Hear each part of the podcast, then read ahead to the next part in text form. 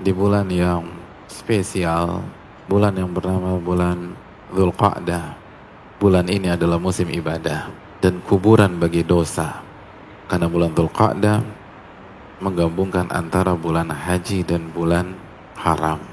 Dan beribadah di bulan ini jauh lebih berat daripada beribadah di bulan suci Ramadan karena atmosfernya berbeda, lingkungannya tidak sekondusif di Ramadan, tapi orang-orang besar itu melihat yang tidak dilihat oleh mayoritas manusia.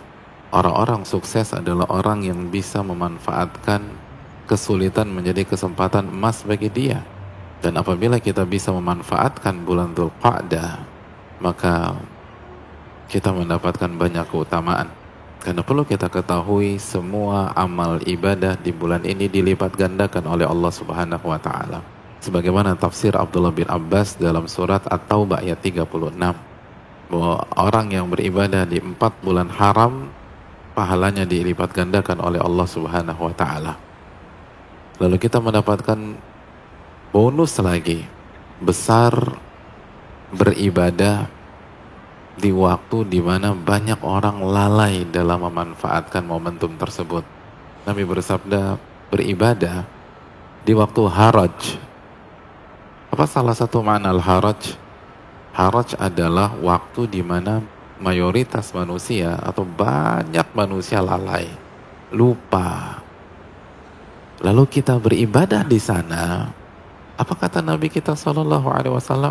Pahalanya seperti berhijrah kepada diriku sallallahu alaihi wasallam maka kesempatan mendapatkan pahala hijrah pada bulan ini terbuka besar di hadapan antum maka kembali cambuk diri ini. Cincingkan lengan baju kita dan kembali fastabikul khairat. Maka hari ini atau di bulan ini kita masuk ke musim ibadah berikutnya. Itu bulan Dhul Qa'dah. Lalu setelah bulan Dzulqa'dah musim ibadah berikutnya di bulan Dzulhijjah, lalu musim ibadah berikutnya di bulan Al-Muharram. Jadi ini awal hadirin sekalian dari tiga bulan ibadah yang sangat panjang dan datang berturut-turut. Nabi mengatakan, Salatul mutawaliyat, tiga bulan datang berturut-turut. Kita memasuki tiga bulan ibadah yang cukup panjang. Maka jaga stamina kita dan jangan lupa bertawakal kepada Allah Subhanahu wa taala lalu minta agar Allah memudahkan kita Allah ma'ini ala dzikrika wa syukrika wa husni ibadatik ya Allah. Tolonglah aku agar aku bisa lebih banyak berzikir kepadamu dan bersyukur kepada dirimu dan memperbaiki segala amal ibadahku